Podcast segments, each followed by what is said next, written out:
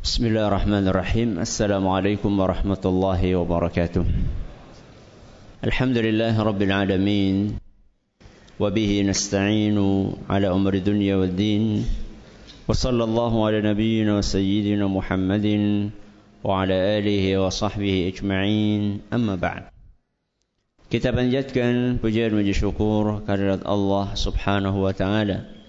Pada kesempatan malam yang berbahagia kali ini tanggal 13 Zulhijjah 1439 Hijriah atau tanggal 24 Agustus 2018 kita masih kembali diberi kekuatan, kesehatan, hidayah serta taufik dari Allah Jalla wa Ala. Sehingga kita bisa kembali menghadiri pengajian rutin untuk membahas adab dan akhlak di dalam Islam di Masjid Jenderal Besar Sudirman di kota Purwokerto ini.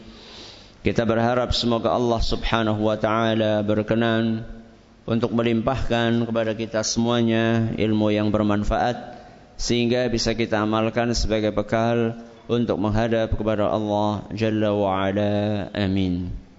Salawat dan salam semoga senantiasa tercurahkan kepada junjungan kita Nabi besar Muhammad sallallahu alaihi wasallam kepada keluarganya, sahabatnya dan umatnya yang setia mengikuti tuntunannya hingga akhir nanti. Para hadirin dan hadirat sekalian yang kami hormati dan juga segenap pendengar Radio Insani 88.8 FM di Purwokerto, Purbalingga, Banyumas, Cilacap, Wonosobo, Kebumen dan sekitarnya. Juga para pemirsa Surau TV, Niaga TV dan Yufi TV yang mudah-mudahan senantiasa dirahmati oleh Allah Azza wa Jalla. Pada pertemuan sebelumnya kita telah memasuki hadis nomor 24 ya, hadis nomor 24 yaitu hadis Abu Ayyub Al-Ansari. An Abi Ayyub radhiyallahu anhu anna Rasulullah SAW qala dari sahabat Rasul SAW Abu Ayyub semoga Allah meridai beliau. Dan ini sudah kita sampaikan biografinya pada pertemuan yang lalu Ani Nabi sallallahu alaihi wasallam qala dari Nabi SAW beliau bersabda. Hari ini kita akan memasuki pembahasan tentang matan atau redaksi dari hadis ini. Rasulullah SAW bersabda, La yahillu li muslimin an yahjura akhahu fauqa thalathi layalin. Tidak halal bagi seorang muslim untuk menghajar. Untuk apa? Menghajar. Nanti kita akan jelaskan terjemahan ringkasnya menghajar adalah mendiamkan. Tidak halal bagi seorang muslim untuk menghajar saudaranya lebih dari tiga malam.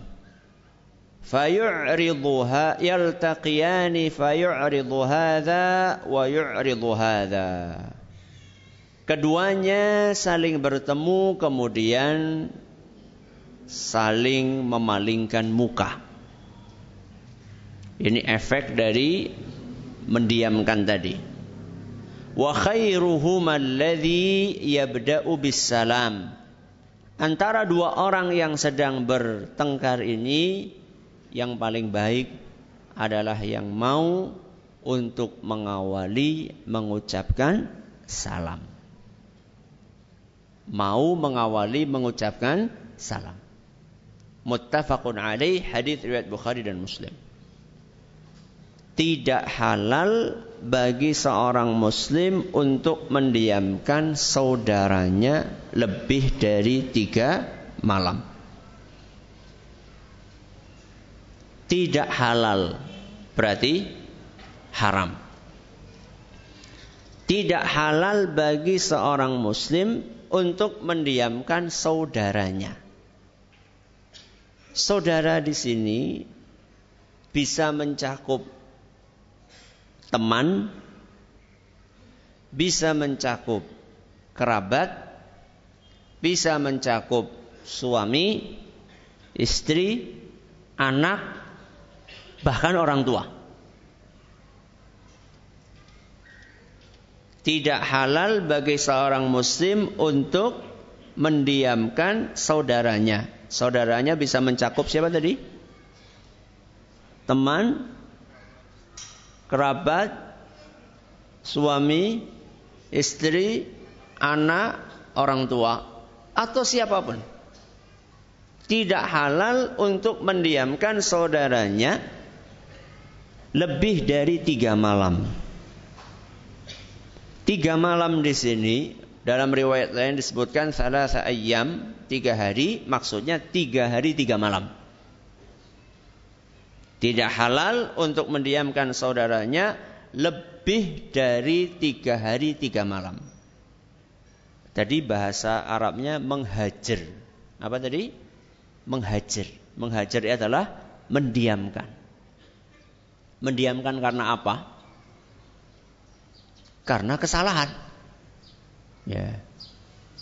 Biasanya orang mendiamkan saudaranya itu karena saudaranya berbuat kesalahan. Nah, kesalahan itu kata para ulama ada dua jenis. Kesalahan yang hubungannya dengan kepentingan pribadi atau kesalahannya yang hubungannya dengan hak Allah Subhanahu wa taala. Ada berapa jenis kesalahan? Dua. Yang pertama, kesalahan pribadi. Yang kedua, hubungannya dengan hak Allah. Ada orang bersalah kepada kita kesalahan pribadi. Misalnya, dia ini mengeluarkan kata-kata yang kasar kepada kita. Itu kan masalah apa? Pribadi kita. Atau dia melakukan perbuatan yang tidak simpatik kepada kita. Ya. Kita pengen ngutang, dia enggak ngutangi, padahal kita sedang kepepet, masalah pribadi atau masalah bisnis, ya. Kita minta barang anu dia janji seperti itu ternyata speknya tidak seperti yang kita harapkan. Masalah pribadi. Ini kesalahan jenis pertama.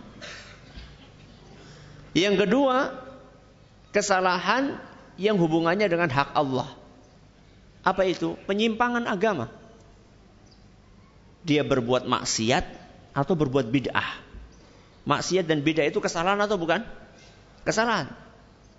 Cuman itu hubungannya dengan hak Allah Subhanahu wa taala.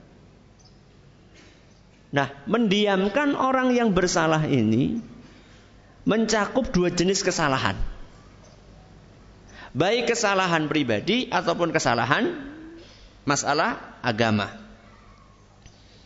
Dari sini kemudian para ulama membagi hajar mendiamkan orang lain menjadi dua jenis. Berapa jenis? Dua jenis. Yang pertama, Hajar karena kepentingan pribadi. Hajar karena kepentingan pribadi. Yang kedua, hajar karena kepentingan agama. Ada berapa jenis? Dua. Yang pertama, hajar karena kepentingan pribadi. Yang kedua, hajar karena kepentingan agama. Kepentingan pribadi ya tadi, dia berbuat salah kepada kita secara pribadi. Kalau yang kedua, hajar karena kepentingan agama, kita diamkan dia karena dia pelaku maksiat, pelaku bid'ah. Ya. Berarti bukan untuk kepentingan pribadi kita, tapi kepentingan agama. Kita ulangi, berapa jenis hajar? Dua. Yang pertama, kepentingan pribadi, kepentingan duniawi kita. Yang kedua, kepentingan agama. Bedanya apa Ustaz? Kalau hajar kepentingan pribadi itu tidak boleh lebih dari tiga hari. Tidak boleh lebih dari tiga hari. Dalilnya ya tadi, hadis yang kita bahas tadi. Hadis Abu Ayyub Al-Ansari yang diriwayatkan Imam Bukhari dan Muslim. Tidak boleh lebih dari tiga hari. Kalau hajar kepentingan agama, boleh lebih dari tiga hari. Apa? Boleh lebih dari tiga hari. Boleh lebih. Berarti tidak harus. Ya, tidak harus. Boleh lebih. Apa perbedaannya? Kalau hajar kepentingan pribadi, tidak boleh lebih dari tiga hari. Kalau hajar kepentingan agama, boleh lebih dari tiga hari. Dalilnya apa? Nanti kita akan bahas. Kita akan kupas pertama kali hajar untuk kepentingan pribadi. Mari kita simak kembali hadis tadi. La yahillu li muslimin an yahjura akhahu fauqa thalathi layalin. Tidak halal bagi seorang muslim untuk menghajar, mendiamkan saudaranya lebih dari tiga hari. Berarti kalau kurang dari tiga hari boleh nggak? Boleh nggak? Kok ragu? Tidak halal bagi seorang muslim untuk menghajar saudaranya lebih dari tiga hari. Berarti kalau kurang dari tiga hari boleh? Boleh. Kenapa ragu? Boleh.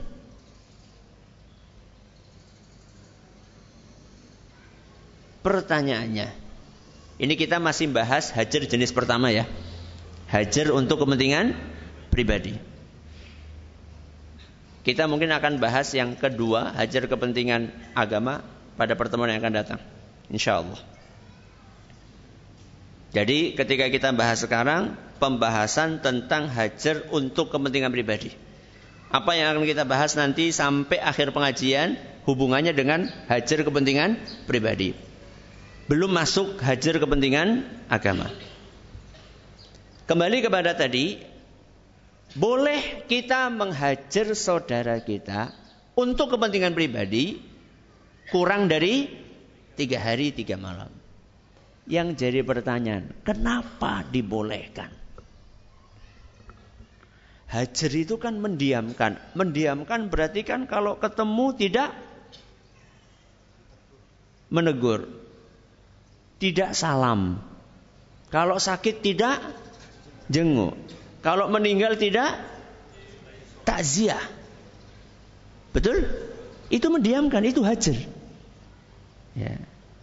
Ketemu ya udah memalingkan muka. Kenapa itu boleh? Padahal yang kita diamkan itu adalah teman kita atau siapa tadi?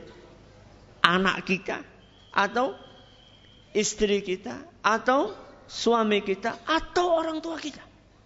Kenapa boleh? Walaupun kurang dari berapa tadi? Tiga hari. Kenapa diperbolehkan? Inilah indahnya Islam jemaah yang kami hormati. Loh, kenapa Ustaz di situ ada keindahan Islam? Manusia itu ketika lahir punya bawaan sifat. Cara wong Jawa Pak? Gawan bayi. Manusia itu ketika lahir ke muka bumi, dia punya sifat bawaan, tabiat dasar. Macam-macam tabiat dasarnya. Salah satu tabiat dasar manusia itu adalah tabiat marah. Tabiat tersinggung. Jangan pernah marah? Pernah? Pernah. Pernah tersinggung? Pernah. Itu bawaan kita. Cuman memang betul antara satu orang dengan orang yang lain porsinya beda-beda.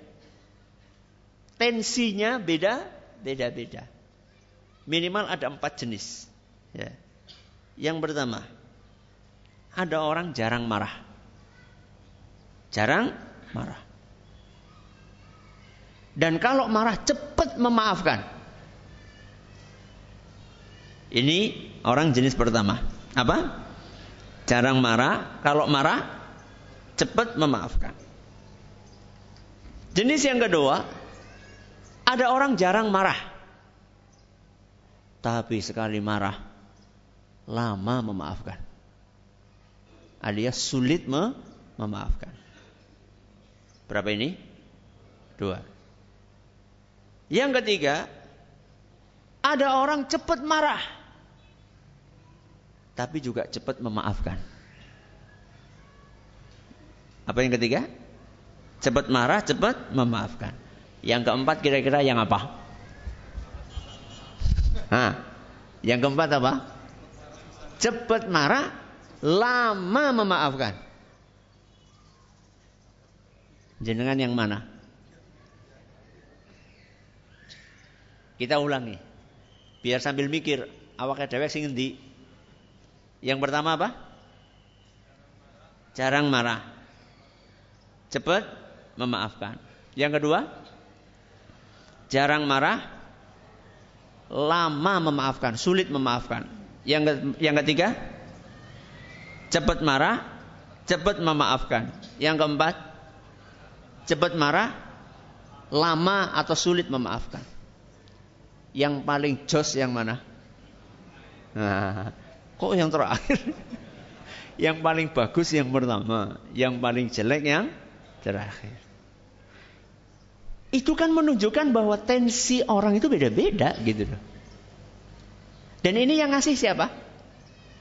Allah. Ini bawaan dari lahir.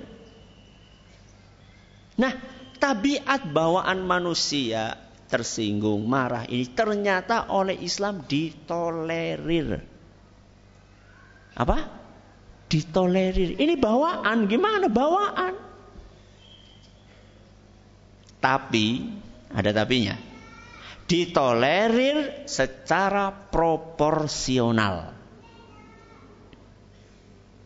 Ditolerir secara proporsional. Artinya proporsional bagaimana? Silahkan Anda melampiaskan, tapi nggak boleh berlebihan. Anda tersinggung silahkan. Ini tabiat dasar. Tapi nggak boleh berlebihan. Berlebihannya bagaimana Ustaz? Kalau lebih dari tiga hari. Selama masih di bawah tiga hari, itu masih ditoleransi. Masih ditolerir oleh agama kita. Inilah indahnya Islam.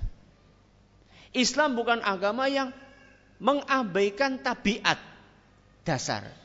Tapi juga bukan agama yang membiarkan tabiat dasar diumbar sedemikian rupa. Tidak. Islam pertengahan. Oke lah, Anda punya tabiat. Ya silahkan. Tapi aja aja melebihi batas. Contoh yang lain. Manusia itu punya tabiat dasar menyukai lawan jenis. Tabiat dasarnya manusia suka sama lawan jenis. Nah, kalau nggak suka sama lawan jenis atau sama lawan jenis sukanya, nah ini berarti sudah tidak sudah tidak apa? Orang normal. Sudah tidak nor normal. Manusia itu punya tabiat dasar suka lawan jenis. Laki-laki ingin menyalurkan syahwatnya kepada perempuan. Tabiat dasar ini ditolerir oleh agama kita. Cuman ditolerirnya ini pakai aturan. Silahkan lampiaskan syahwatmu kepada lawan jenismu. Yang penting sesuai aturan. Apa aturannya? Menikah. Islam bukan agama yang mengebiri syahwat. Juga bukan agama yang mengumbar ngonoh sekarpe. Seneng ya seneng. Enggak. Silahkan lampiaskan syahwatmu tapi sesuai dengan aturan-aturan itu adalah meni menikah. Nah, syahwat satu orang sama orang yang lain sama atau beda? Beda. Tegangannya kan beda-beda. Ada yang 5 watt. Ada yang 100 watt. Beda-beda. Itu given. Itu Allah yang ngasih. Makanya di dalam agama kita antara lain hikmahnya boleh poligami. Asik. Jenengan gue limang watt apa satu watt? Limang watt poligami.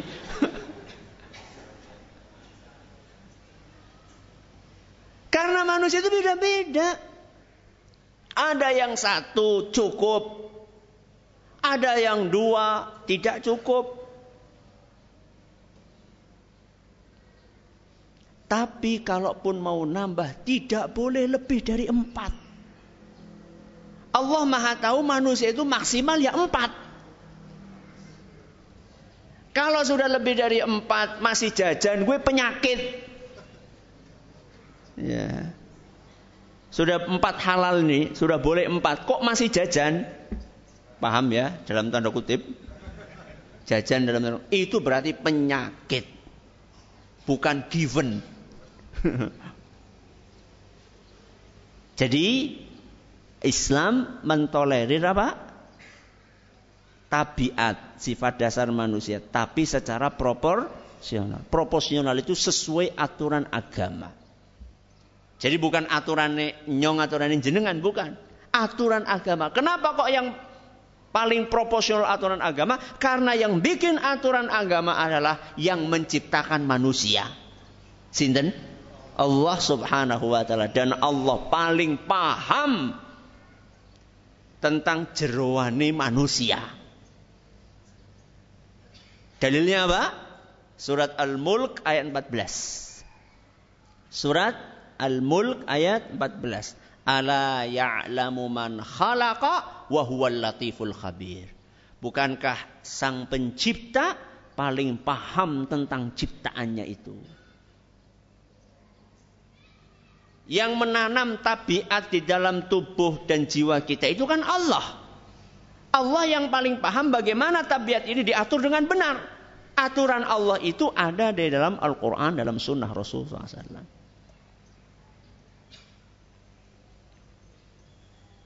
Berarti boleh nggak mendiamkan lebih dari tiga hari? Kok boleh? Nggak boleh. Kalau kurang dari tiga hari, boleh. Kenapa tidak boleh lebih dari tiga hari? Tadi kan kenapa boleh kurang dari tiga hari? Apa tadi? Kenapa boleh kurang dari tiga hari? Karena Allah mentolerir tabiat dasar manusia yang marah atau tersinggung. Cuman ditolerir secara proporsional. Proporsional itu adalah tidak boleh lebih dari tiga hari tiga malam. Nah sekarang pertanyaan berikutnya adalah kenapa kok nggak boleh lebih dari tiga hari? Sebab kalau lebih dari tiga hari dampak negatifnya lebih besar dari dampak positifnya. Apa? Kalau lebih dari tiga hari dampak negatifnya lebih besar dari dampak positifnya.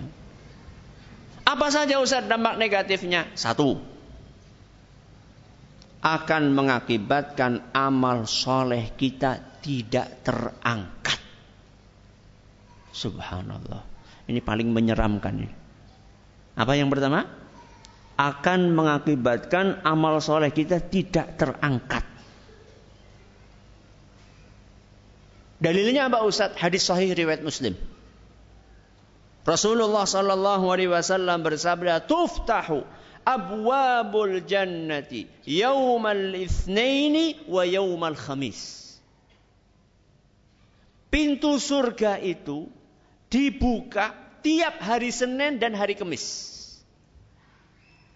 Apa? Pintu surga dibuka tiap hari Senin dan hari Kamis para ulama menafsirkan maksud pintu surga dibuka, ada yang mengatakan dia betul-betul dibuka. Secara letterlek dibuka pintu. Ada sebagian ulama mengatakan maksudnya dibukanya pintu surga adalah Allah membagi pahala. Allah membagi pahala setiap Senin dan Kamis. Ada dua penafsiran fayughfaru likulli 'abdin la yusyriku billahi syai'an. Pada saat itu akan diampuni setiap manusia yang tidak berbuat syirik. Melakukan dosa, tapi dosanya di level apa? Di bawah level syirik. Akan diampuni setiap hamba yang tidak berbuat syirik. illa rojulan kecuali kecuali satu jenis manusia dengar baik-baik illa rojulan kanat bainahu wa baina akhihi syahna kecuali seorang yang memiliki permusuhan dengan saudaranya. Tukaran.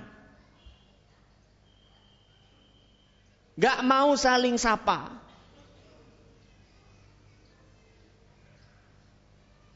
Fayuqalu maka dikatakan Allah berfirman kepada malaikat anziru hadaini hatta yastaliha tangguhkan dua orang ini sampai akur kembali tangguhkan itu maksudnya apa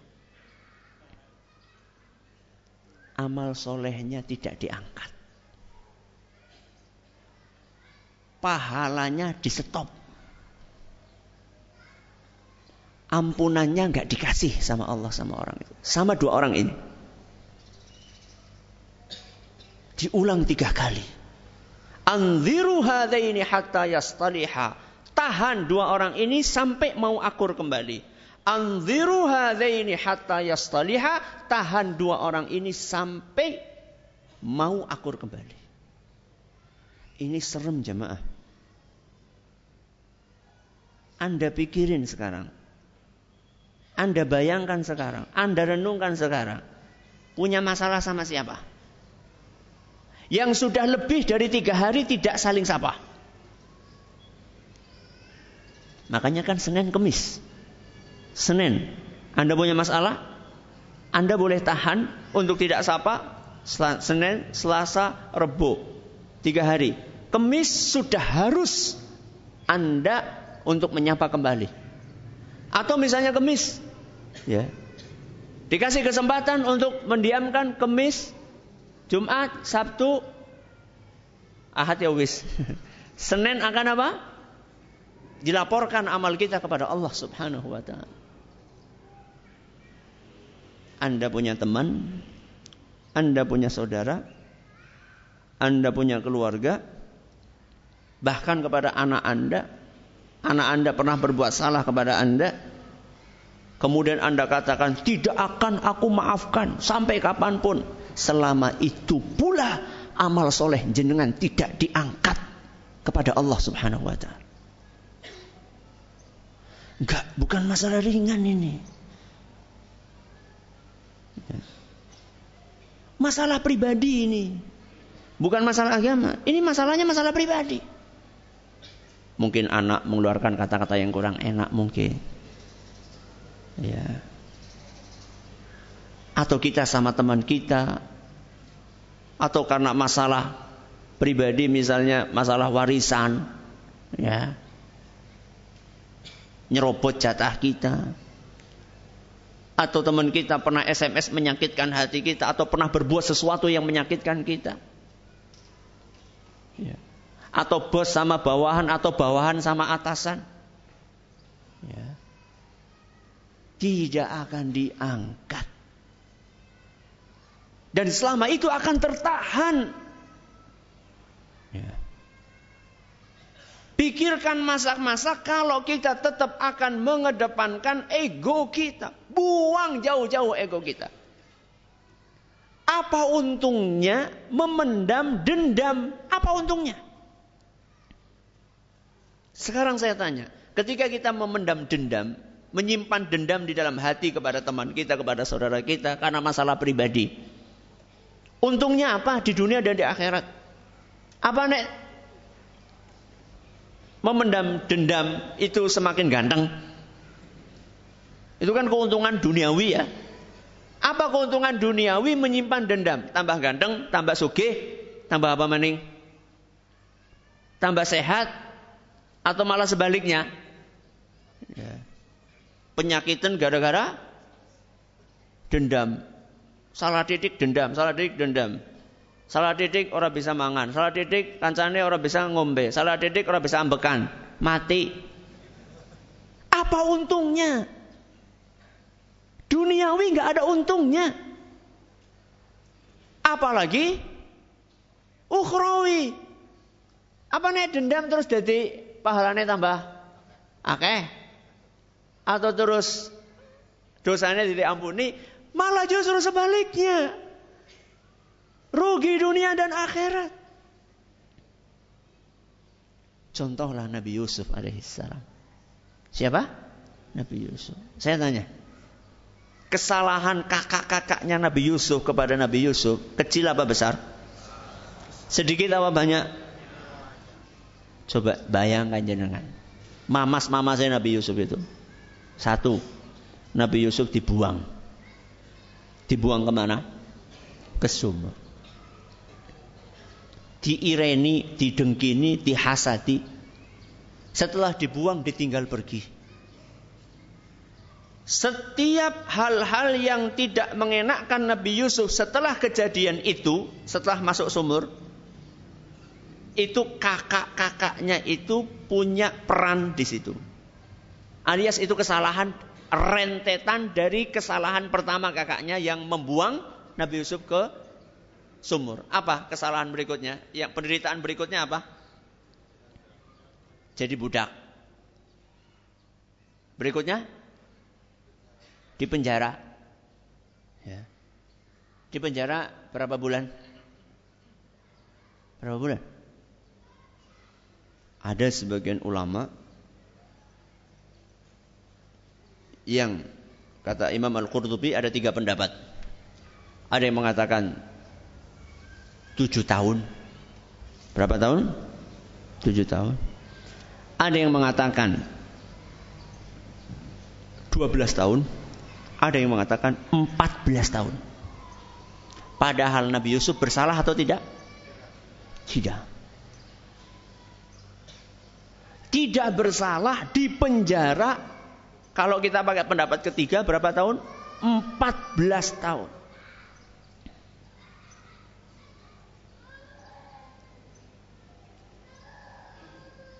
dan berpisah dengan ayahnya yang sangat beliau sayangi. Siapa? Nabi Yakub alaihissalam. Berapa tahun berpisah? Mulai dari dibuang sampai Nabi Yusuf jadi raja. Berapa tahun? Dalam tafsir atau bari disebutkan 80 tahun. Itu semua buntut dari kesalahan siapa? Kakak-kakaknya. Ketika kakak-kakaknya minta maaf. Apa jawaban Nabi Yusuf? Jenengan kepriwe? Enggak ini mamas mamas saya kayak gue jenengan kepriwe? Jaluk ngapura kepriwe? Dimaafkan? Subhanallah. Dalam surat Yusuf ayat 92 Allah berfirman menceritakan jawaban Nabi Yusuf. Qala Nabi Yusuf berkata, "La tathriba alaikumul yaum." La tathriba alaikumul yaum. Apa artinya ditafsirkan oleh Imam As-Suddi, "La azkuru lakum dzambakum." Aku tidak ingat kesalahan kalian itu apa. Bahasanya dewek. Kesalahan sing ngendi sih ya? Aku sekelalen.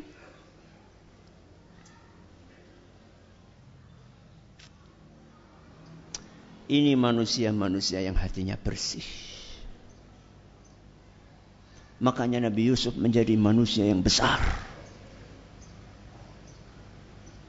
Bukan manusia-manusia yang kerdil. Yang gampang emosian yang gampang menyimpan dendam. Ya. Contoh Nabi Yusuf.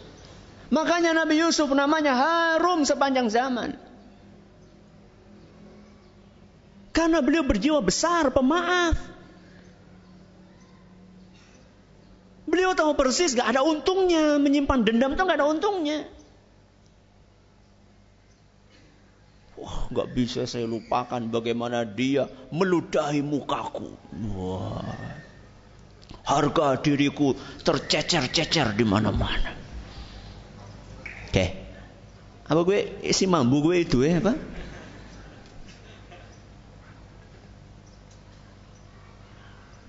Diidui gari apa?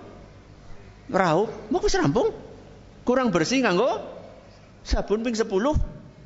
Selesai. Iya tapi kan harga diri, harga diri. Dibandingkan Nabi Yusuf, coba. Bukan hanya diludahi Nabi Yusuf, dibuang ke dalam sumur. Gak tanggung-tanggung ke dalam sumur. Bukan dibuang di mana gitu. Bisa cari makanan atau apa. Di penjara sekian tahun. Pisah dari ayahnya 80 tahun. Kesalahan-kesalahan besar. Jadilah pemaaf. Ya. Ini efek negatif yang pertama. Apa tadi? Mengakibatkan amal soleh tidak terangkat. Kita lanjutkan insya Allah habis adzan. Alhamdulillah Rabbil Alamin Wassalatu wassalamu ala nabiyina Muhammadin Wa ala alihi wa sahbihi ajma'in Kenapa Islam melarang mendiamkan lebih dari tiga hari?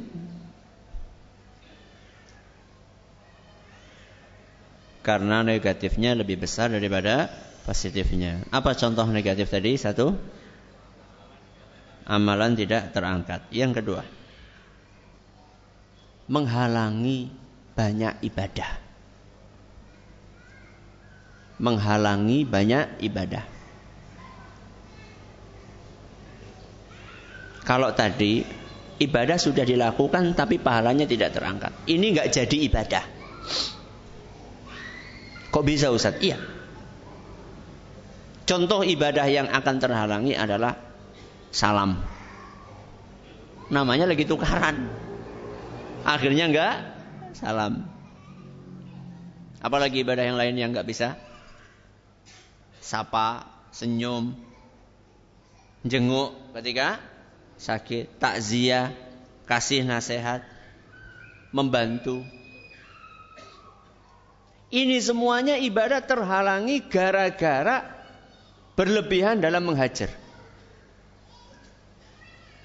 Berapa banyak kita nggak jadi beramal soleh karena masalah ini? Mau salam, gak jadi. Dengar sakit, mau jenguk, gak jadi. Meninggal, gak jadi, tak sia. Akhirnya pintu-pintu pahala banyak tertutup buat dia.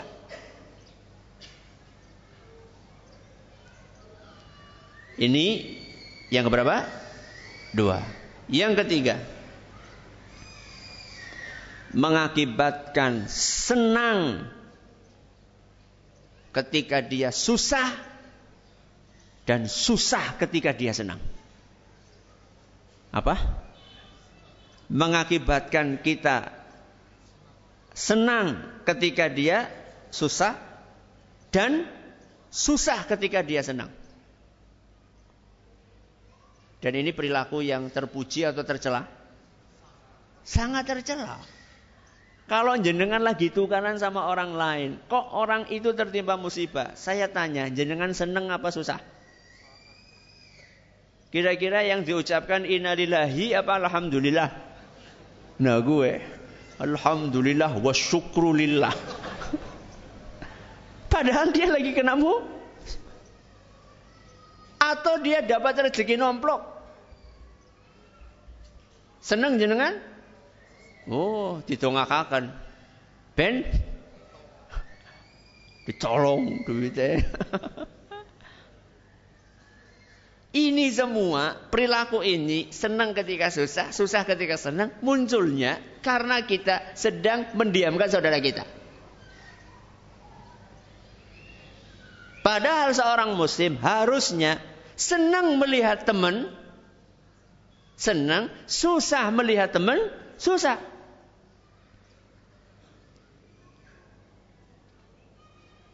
Makanya dahulu mbah-mbah kita kasih nasihat apa? Aja bunga deleng wong susah aja susah deleng wong bunga. Paham gak ini? Nah, itu nasihat dari nenek moyang kita. Apa? Aja seneng Deleng wong susah aja susah, deleng wong bunga. Alias nek ana wong bunga yang melu bunga, ana wong susah yang melu susah. Ini tiga dampak negatif ketika hajar itu tidak dilakukan secara proporsional. Mudah-mudahan bermanfaat. Esok insya Allah pertemuan berikutnya kita akan membahas tentang e, jenis yang kedua hajar untuk kepentingan agama. Dan ini agak detail pembahasannya insya Allah kita akan kaji pada pertemuan berikutnya kalau kita masih dikasih umur oleh Allah Subhanahu wa taala. Banyak pertanyaan, intinya mirip. Bagaimana kalau kita pernah tukaran sama seorang, kita sudah berusaha minta maaf, ternyata tidak dimaafkan sama orang tersebut. Apakah kita termasuk yang tidak diangkat amal solehnya? Ini pertanyaan segini ini mirip pertanyaan jawabannya apa? Isinya mirip. Pertama, apakah Anda sudah maksimal untuk minta maaf atau belum? Ini pertanyaan yang harus kita tanya kepada diri kita. Apakah sudah maksimal? Atau minta maaf sekedarnya? Kayaknya jaluk ngapura. Orang ya apa-apa. Gue jenengannya jaluk ngapura orang niat. Orang dia ngapura ya apa-apa. Aku butuh orang jenengan. Orang niat temenan gue. Anda itu ketika minta maaf seperti apa?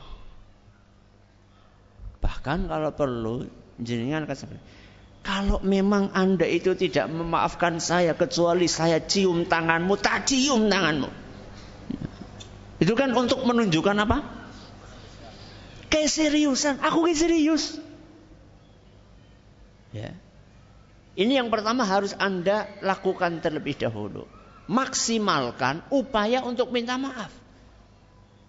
Ngomong langsung, nggak mau ketemu, pakai SMS, Ternyata diblok nomornya. Telepon di reject. Tulis surat. Ternyata disobek-sobek. Lewat orang lain. Segala cara yang syar'i lakukan. Sampai seluruh cara sudah Anda lakukan maksimal, bolak-balik, kok tetap tidak memaafkan? Baru poin berikutnya. Berarti yang bermasalah bukan Anda. Yang bermasalah adalah dia. Maka karena yang bermasalah dia, yang akan dapat masalah ya dia, bukan jenengan. Tapi ini setelah apa tadi? Maksimal di dalam meminta maaf. Pertanyaan kedua. Bagaimana cara mengakurkan kembali dua orang teman yang sudah saling diam lebih dari tiga hari? Anda jadi juru damai. Bukan jadi bensin ketemu api. Jadi juru, juru, juru damai itu bagaimana? Cobalah Anda menampakkan seakan-akan si A dan si B ini sebenarnya nggak ada masalah. Anda pergi si A, Anda katakan sama si A, Anda masalah apa sih kalau si B? Wah si B kayak ora. Si B gue jane seneng karo jenengan, kangen, pengen mangan bareng. Cuman ya biasalah mandan gengsi. Padahal ya ora.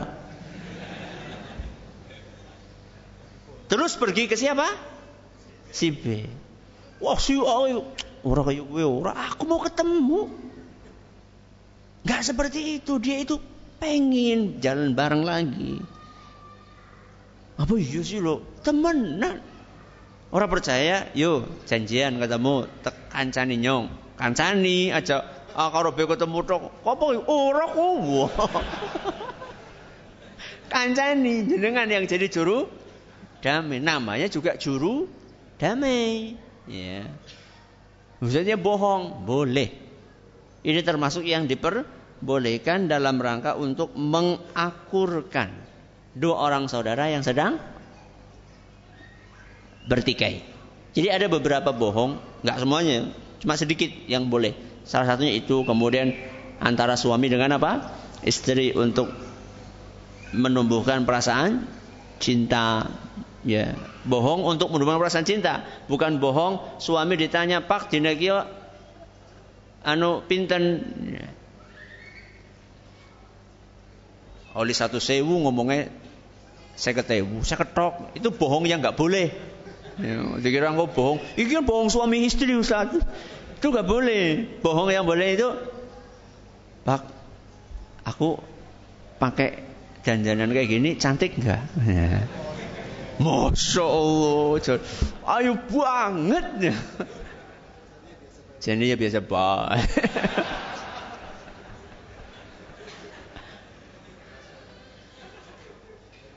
Ibu misalnya dibelikan jarit ya atau baju sama siapa? Bapak.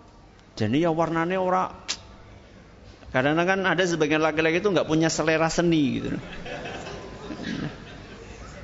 Perasaannya wis apik banget gitu loh. Tapi ternyata ibunya kelambiku kayak gini. Tapi kan kalau ngomong kayak gitu kan kecewa suami.